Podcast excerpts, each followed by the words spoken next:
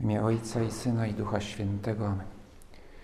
Panie mój Boże mój, wierzę mocno, że jesteś tu obecny, że mnie widzisz, że mnie słyszysz. Uwielbiam Cię z najgłębszą czcią.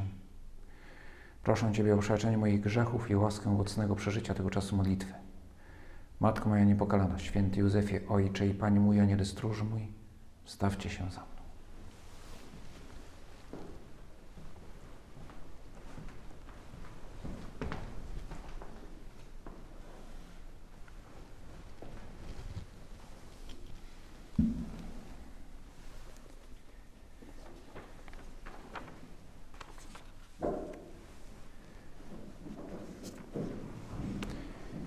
Jesteśmy przed Przenajświętszym Sakramentem, widocznym, już wyjętym, wyjętym z tabernakulum, także możemy patrzeć na Ciebie, Panie Jezu, mieć z Tobą kontakt nie tylko duchowy, który mamy i możemy mieć zawsze, ale też ten kontakt zmysłowy poprzez, poprzez wzrok.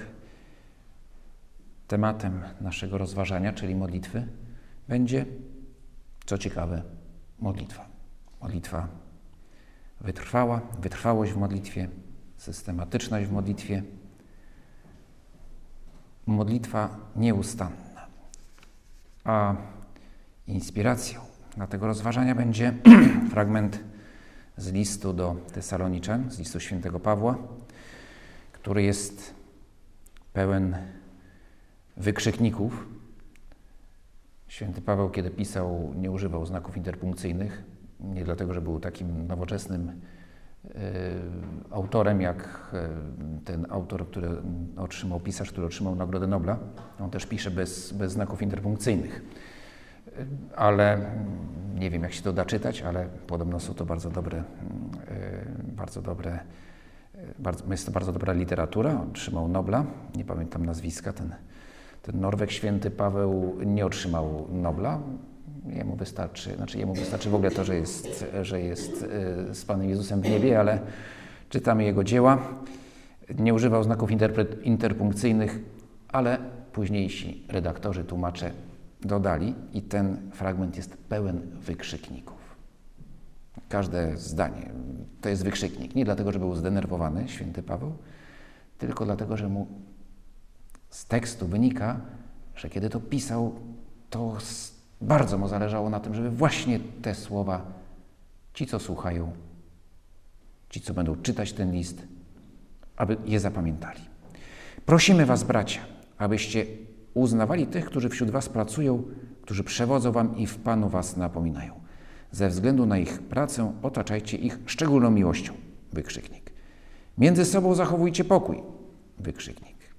Prosimy Was, bracia, upominajcie nie, niekarnych, pocieszajcie małodusznych, przygarniajcie słabych, a dla wszystkich bądźcie cierpliwi. Wykrzyknik. Uważajcie, aby nikt nie odpłacał złem za złe. Zawsze usiłujcie czynić dobrze, sobie nawzajem i wobec wszystkich. Wykrzyknik. Zawsze się radujcie, nieustannie się módlcie i tutaj trzy wykrzykniki. Znaczy, ja bym dodał tutaj trzy wykrzykniki, w tekście jest tylko jeden. W każdym położeniu dziękujcie. Taka jest bowiem wola Boża w Jezusie Chrystusie względem Was. Ducha nie gaście, proroctwa nie lekceważcie. Wykrzyknik oczywiście. Wszystko badajcie, a co szlachetne, zachowujcie.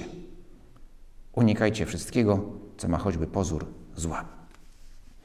Święty Paweł pisze te słowa do chrześcijan z Tesaloniki. Widać wyraźnie, że chce powiedzieć dużo. Najchętniej by tam pojechał, jakieś rekolekcje poprowadził, gdzie by mógł sobie trochę pokrzyczeć, ale pisze list, bo nie może być z nimi. Z jakichś powodów prawdopodobnie musiał się już streszczać. Może papirus się kończył, a był drogi, może atramentu brakowało, też był drogi. Może kończyła się cierpliwość pisarza, który spisywał słowa Pawła, bo prawdopodobnie Paweł dyktował ten list. Może już był wieczór, a następnego dnia odchodził statek do Tesaloniki, więc trzeba było kończyć. Trzeba było powiedzieć szybko wszystko, co najważniejsze. To jest końcówka listu, więc może Paweł już trochę zniecierpliwiony, albo raczej mm, widząc zniecierpliwienie skryby, coraz szybciej mówi, tamten coraz szybciej pisze i krótkie zdania. Róbcie to, róbcie to, róbcie tamto. To, co mówi, chce przekazać to, co najważniejsze. To, co mówi na początku, jest dzisiaj niepopularne, bo uwaga, na początku mówi, żeby otaczać miłością kapłanów i biskupów, tych, którzy pracują, przewodzą Wam i w Panu napominają. Zachowywać pokój. No, chciałoby się to po prostu wykrzyczeć, nie wiem, przez jakieś megafony nad strefą gazy i nad Izraelem. Zachowujcie pokój, ale obawiam się, że nikt tam tego wezwania w huku pocisków i karabinów raczej nie chce słuchać. Pocieszać, przygarniać, również upominać, czynić dobro, wybaczać. Wszystko jasne. Te słowa są skierowane do chrześcijan na pierwszym miejscu, są wezwaniem do, do budowania właściwych relacji między nimi, ale oczywiście to odnosi się do całego mm, społeczeństwa, którym chrześcijanie żyją. Wybaczajcie, zachowujcie pokój, czyńcie dobrze. Czy, czyńcie dobro. Strasznie dużo. Święty Pawle, tyle wymagań. Można powiedzieć, ze wszystkim się chyba można zgodzić. Ja co najmniej się zgadzam z tym wszystkim. W ogóle zgadzam się ze świętym Pawłem, bo to, jest, to są słowa spisane pod natchnieniem Ducha Świętego. No ale tyle wymagań, święty Pawle, od czego tu zacząć? Zgodnie z zasadami zarządzania, zacząć trzeba od tego, co najpilniejsze, mając w głowie to, co najważniejsze. Żeby ostatecznie zrealizować przynajmniej to, co najważniejsze. Ale nasza natura jest taka, że wolimy zacząć od tego, co najłatwiejsze albo najprzyjemniejsze. Kiedy już naprawdę nie mamy wyboru, to to, co najpilniejsze, bo już nie możemy tego uniknąć, a to, co najważniejsze, tak często schodzi nam na drugi plan. Paweł tutaj wygląda na to, że chce to pogodzić. Zawsze się módlcie, zawsze się radujcie. Nie ma nic ważniejszego niż modlitwa. Z tych wszystkich wezwań to jest najważniejsze. Zawsze się módlcie. Ale równocześnie dodaje, zawsze się radujcie. To już chyba trochę łatwiejsze. Nie, wcale nie jest łatwiejsze. Wcale nie jest łatwiejsze, wcale nie jest łatwo mieć w sobie ciągle radość. Mało tego, to jest niemożliwe bez tego pierwszego, bez modlitwy. Ciągle się modlić jest trudno, ciągle zachować radość też jest trudno. Chcielibyśmy zawsze być radośni. Myślę, że chyba każdy, no, poza jakimiś wyjątkami, no, chciałby być, mieć w sobie zawsze radość, być szczęśliwym. Ale to, mówi święty Paweł, jest połączone z modlitwą.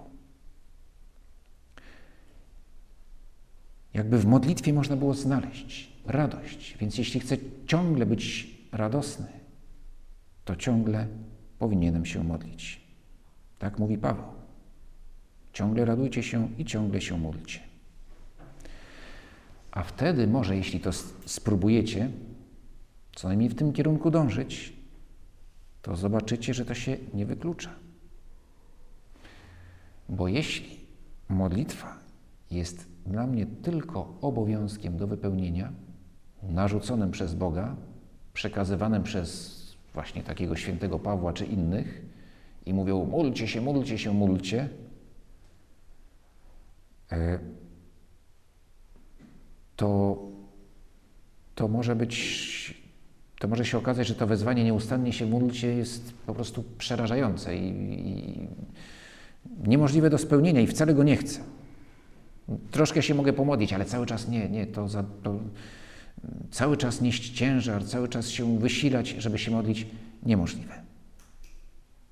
Jeśli traktuję to jako zewnętrzny obowiązek i jeśli nie widzę, że czym modlitwa jest, że i, i wówczas nie widzę, że może być i jest źródłem radości. Jeżeli moim ulubionym momentem mszy świętej nie jest konsekracja, kiedy Chrystus staje się obecny pośród nas, On i Jego ofiara, ale najważniejszym momentem jest idźcie w pokoju Chrystusa.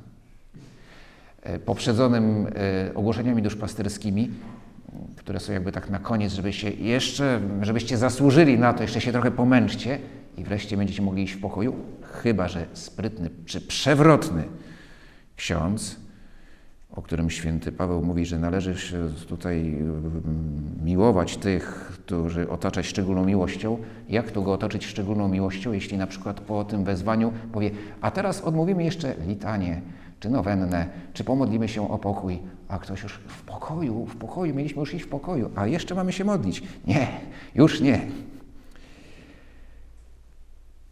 No właśnie, jeśli nie widzę, czym jest modlitwa, to rzeczywiście będę od tego, od niej uciekał albo będę ją traktował jak nie przymierzając dopust Boży. Się mówi dopust Boży, jak coś na mnie spada, że już i się z tym nie mogę, e, nie mogę tego uniknąć. Kiedyś przynajmniej się mówiło dopust Boży, no ale to raczej się odnosiło do jakichś nieszczęść. A przecież modlitwa jest źródłem pokoju, radości. Dlaczego? Bo jest spotkaniem z Bogiem. Jeśli widzę naprawdę, czym modlitwa jest, widzę, rozumiem i czuję, nie tylko teoretycznie, ale przyjmuję to całym sobą, jest spotkaniem z Bogiem, to sytuacja się zmienia. Bo jeśli Ty, Panie Boże, jesteś moją miłością, jeśli wiem, że ja dla Ciebie jestem Twoją miłością, to wówczas spotkanie z Tobą będzie dla mnie zawsze źródłem radości. Nie zawsze mam powody do radości, bardzo często ich nie mam, wręcz przeciwnie. Gdy dotyka mnie cierpienie, gdy dotyka mnie zło, zawinione lub niezawinione, powodów do radości nie ma. Ale kiedy się modlę, to zawsze będę miał powód do radości. Chociażby dlatego, że właśnie będę mógł komuś, kto mnie kocha, powiedzieć o moich smutkach, o moim cierpieniu, o moim bólu. I dlatego w najtrudniejszych momentach, właśnie kiedy mamy najmniej ludzkich powodów do radości, tym bardziej szukam Ciebie, Panie Boże, aby z Tobą rozmawiać i w Tobie odnaleźć pocieszenie i odnaleźć źródło radości.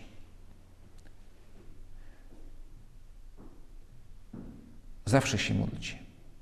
W każdym położeniu dziękujcie, mówi dalej święty Paweł. To kolejna wskazówka. Czasami mobilizuje nas do modlitwy jakaś potrzeba, jakaś konkretna potrzeba. O coś się modlę. I bardzo dobrze.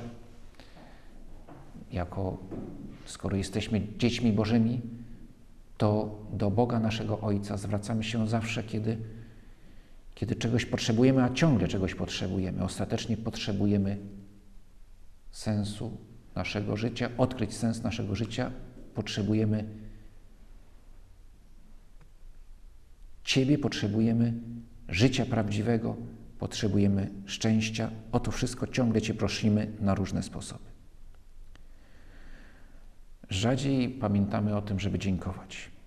A szkoda. Znowu, może to jest kolejny jakiś, jakiś, jakaś wskazówka kolejna, którą nam daje święty Paweł, jak pokochać modlitwę. Jak traktować, w jaki sposób mieć w sobie pragnienie, przynajmniej pragnienie modlitwy nieustannej. Jeśli umiem dziękować, najlepsza modlitwa, najbardziej owocna modlitwa to modlitwa dziękczynna. Może nie tyle najlepsza, bo w każdym bo są różne momenty i, i, i, i, i różne. Modlimy się na różne sposoby. Trudno powiedzieć, który jest lepszy, który gorszy. Znaczy, na pewno nie ma gorszych. Ale dziękczynienie jest można powiedzieć raczej, że dziękczynienie jest tym, co w modlitwie powinno być zawsze obecne. Inne elementy nie zawsze, dziękczynienie zawsze.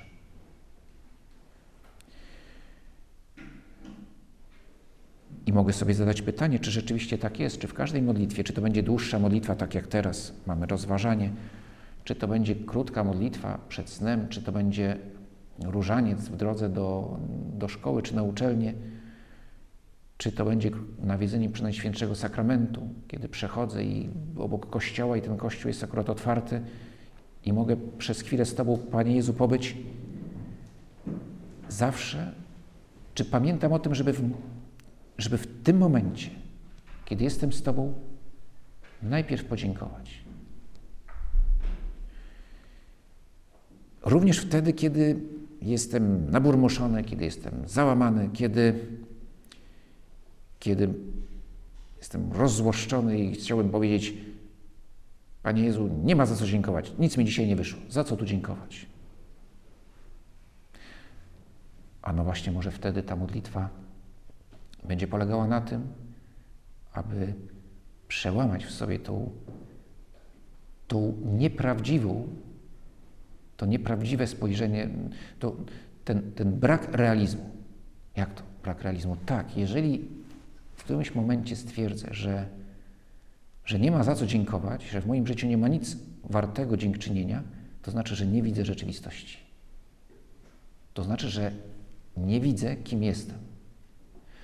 To znaczy, że nie widzę sensu mego życia, a ono obiektywnie sens ma, bo Ty mnie, Panie Boże, stworzyłeś i stworzyłeś dla siebie. Do życia wiecznego mnie stworzyłeś, do życia z Tobą. W związku z tym zawsze jest powód, żeby dziękować. W najtrudniejszych momentach mego życia jest powód, żeby dziękować. Chociażby dlatego, że kiedy się modlę, to mam świadomość, że w odróżnieniu od innych istot, które nie mają wolnej woli, rozumu, tak jak człowiek, nie mogę się do Ciebie zwrócić. Nie mógłbym się do Ciebie zwrócić, gdybym nie był człowiekiem, gdybym nie był tym, kim jestem. A skoro mogę się do Ciebie zwrócić, to to już jest powód do dziękczynienia. Zawsze się módlcie. No ale to słowo zawsze cały czas jest dla nas niepokojące. Przecież to niemożliwe, żeby ciągle się modlić. To chyba święty Paweł tak w przenośni mówi. Taka metafora. Przecież nawet nasz Pan, nawet Ty, Panie Jezu, chyba nie modliłeś się cały czas. No, Ewangelia mówi, że chodziłeś, jadłeś yy, posiłki z, z przyjaciółmi, nauczałeś. No, no chyba nie modliłeś się cały czas. To akurat trudno jest nam na podstawie Ewangelii powiedzieć, czy Pan Jezus mówiąc, jedząc, e, nauczając, wędrując, śmiejąc się, czy się modlił. W sensie takim, jak my rozumiemy modlitwę. Jedno wiemy na pewno.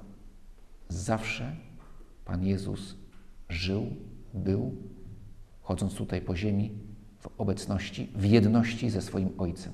I tą jedność z Ojcem odczuwał. A równocześnie,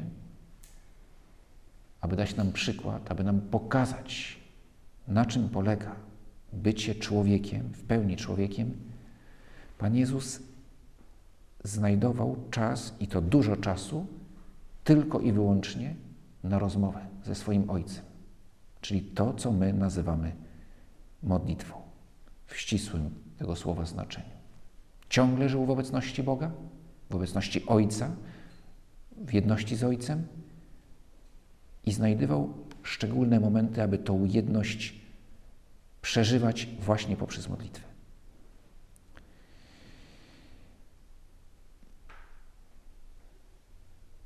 I tego czasu znajdował dużo. Matka Teresa z Kalkuty wielokrotnie, kiedy była pytana przez ludzi zaangażowanych w różne dobre, święte przedsięwzięcia, których właśnie przygniatała ilość zajęć i zwierzali się matce Teresie, że nie mają czasu na modlitwę, to odpowiadała, że to opowiadał mi jeden człowiek, jeden z założycieli ruchów, ruchów pro-life w Polsce, że miał okazję rozmawiać e, z nią i właśnie mówił, no mam tyle zajęć, praca zawodowa, zaangażowanie w obronę życia, tyle innych rzeczy do zrobienia i dobrych rzeczy, ważnych rzeczy. I nie mam się kiedy modlić. A na co ona odpowiada? Naprawdę, tyle rzeczy do zrobienia. Naprawdę mam strasznie dużo rzeczy do zrobienia. To jest bardzo dużo. To jest zdecydowanie za dużo. Albo raczej nie, nie powiedziała, że to jest zdecydowanie za dużo. Powiedziała, w tej sytuacji Pan po prostu musi poświęcić godzinę dziennie na modlitwę. Skoro ma Pan tyle do zrobienia, to, to, to po prostu musi Pan znaleźć godzinę czasu na modlitwę, bo inaczej się nie uda. Nie zrobi Pan tego, co ma Pan do zrobienia. I mówiła to osoba, która nie była teoretykiem. Mówiła to osoba, która dokonała ogromnego dzieła w sensie ludzkim. I, i każdego dnia poświęcała bardzo dużo czasu na modlitwę. No dobrze, ale jak to sprawić? Znaleźć ten czas, ale w dalszym ciągu, nawet jeśli znajdę to, dobrze, godzinę czasu dziennie poświęcam na modlitwę, ale to cały czas nie jest cały czas. Często jest coś pilniejszego, coś może nie tyle ważniejszego, ale coś pilniejszego. Na kursach zarządzania mm,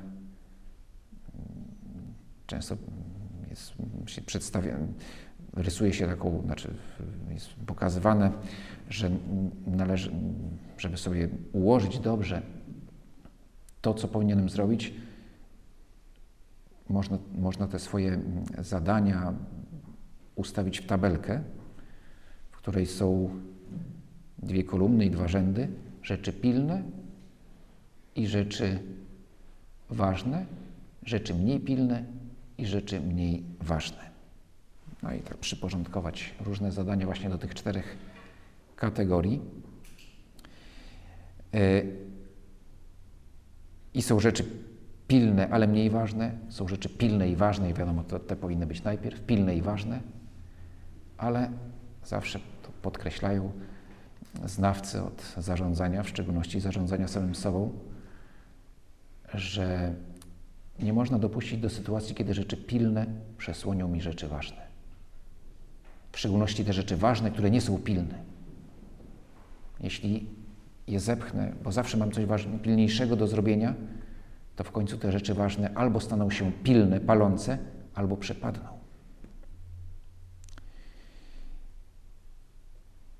Jak to zrobić, aby modlitwa była nieustanna, to znaczy, żeby była na pierwszym miejscu.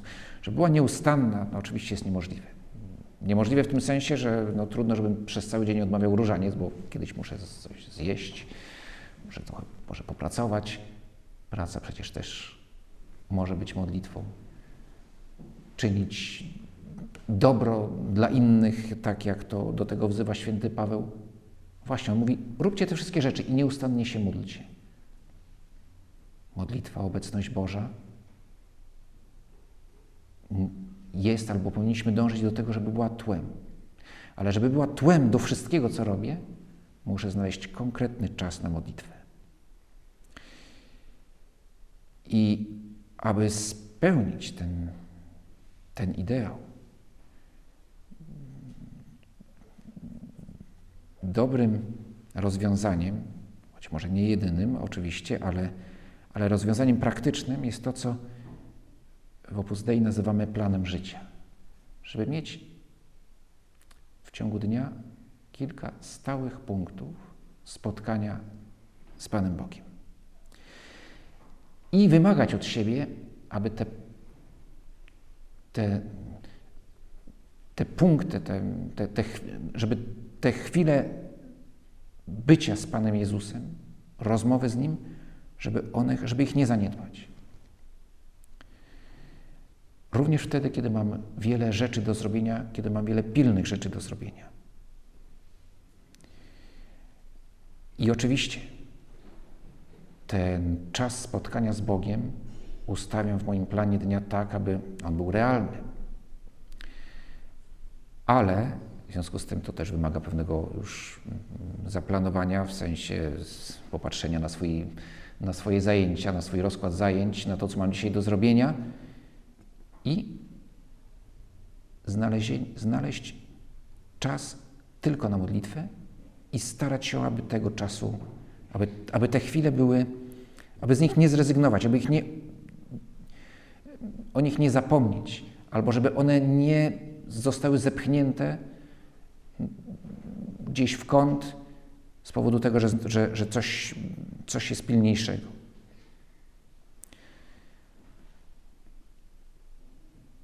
Bo w ostatecznym rozrachunku najpilniejsze, najważniejsze, ale również najpilniejsze jest modlitwa. W konkretnym momencie nie.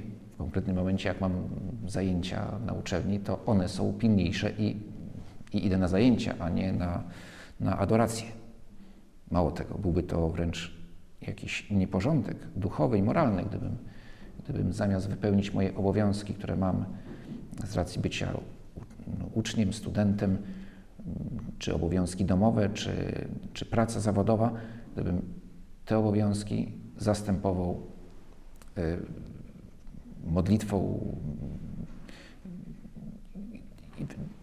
w wyznaczeniu, nie wiem, adoracją eucharystyczną czy, czy różańcem. Ale jeżeli postawię sobie jako, jako, jako cel, że każdego dnia różaniec odmówię, znajdę czas na chwilę osobistej modlitwy, może pójdę na mszę, a co najmniej na nawiedzenie przy Najświętszego Sakramentu i robię wszystko, aby to wypełnić, wówczas modlitwa jest na pierwszym miejscu. I wówczas łatwiej jest mi żyć w obecności Bożej, a tym samym dzieje się to, o czym mówi święty Paweł, że modlę się nieustannie. Pracując, będąc z przyjaciółmi, yy, uprawiając sport, cały czas w obecności Bożej. Dzięki temu, że mam konkretne chwile na to, aby z Bogiem rozmawiać w trakcie modlitwy.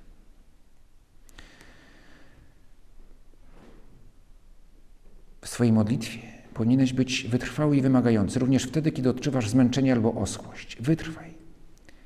Te chwile modlitwy są jak wysokie tyczki na górskich drogach, pomalowane na czerwono, które kiedy spadnie śnieg, służą za punkt odniesienia i zawsze wskazują bezpieczną drogę.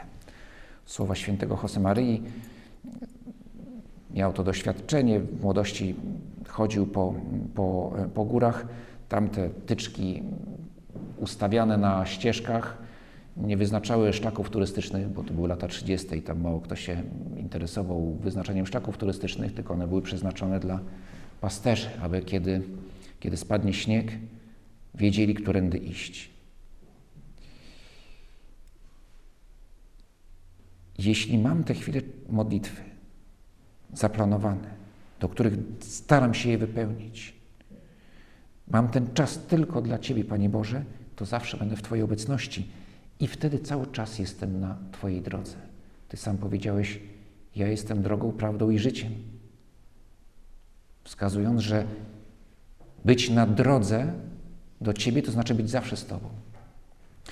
Ale żeby z tej drogi nie zejść, potrzebuję tych właśnie momentów, w których będzie to czas tylko dla Ciebie.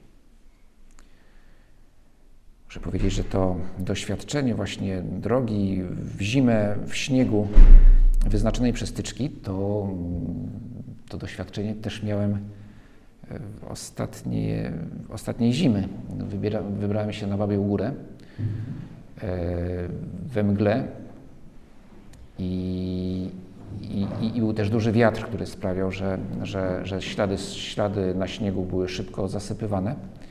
I rzeczywiście było rzeczą, no, ten, ten, ten, te tyczki, które wskazywały, którędy idzie szlak, no, były wręcz niezbędne. Znaczy, gdyby ich nie było, to w ogóle bym się nie odważył iść, bo, bo i, i w momencie, kiedy, kiedy w pewnym momencie mgła sprawiła, że nie widziałem ani tej ostatniej, ani tej przede mną, natychmiast się cofnąłem nie? do tej ostatniej, bo kiedy jeszcze, póki jeszcze były ślady, wiedząc, że byłoby niebezpieczne iść, nie wiedząc dokąd idę, nie widząc owych tyczek, które drogę wyznaczają.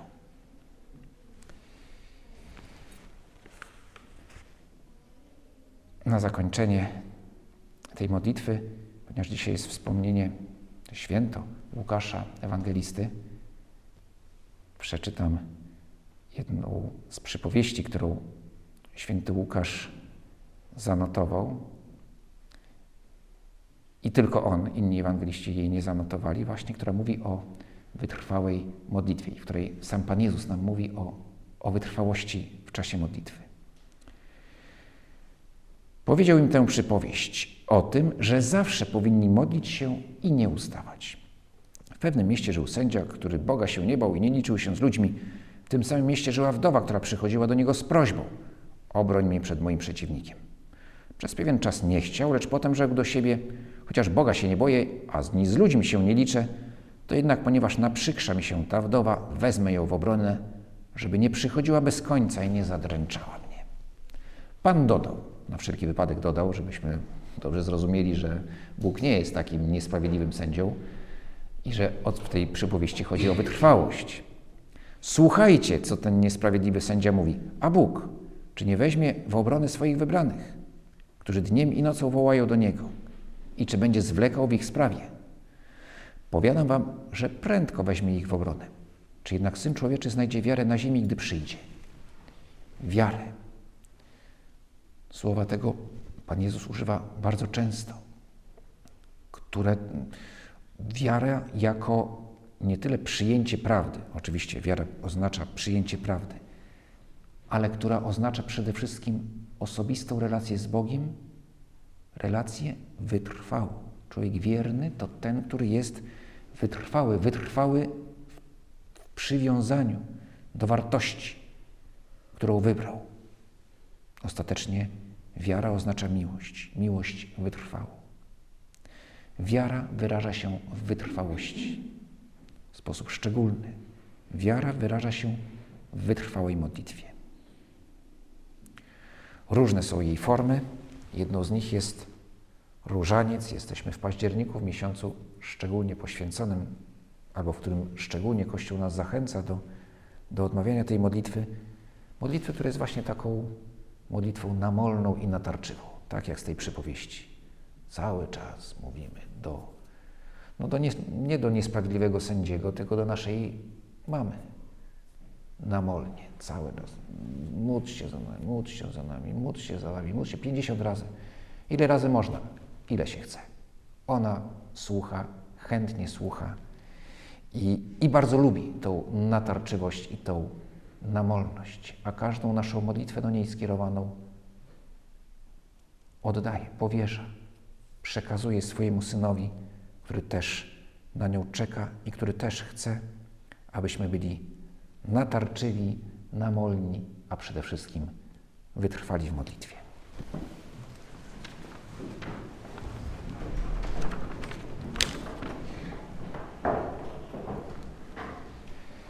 Dzięki Ci składam, Boże mój, za te dobre postanowienia, uczucia i natchnienia, którymi mnie obdarzyłeś podczas tych rozważań. Proszę Cię o pomoc w ich urzeczywistnieniu. Matko moja niepokalana, święty Józefie Ojcze i Panie mój, Aniele Stróżu mój, wstawcie się za mną.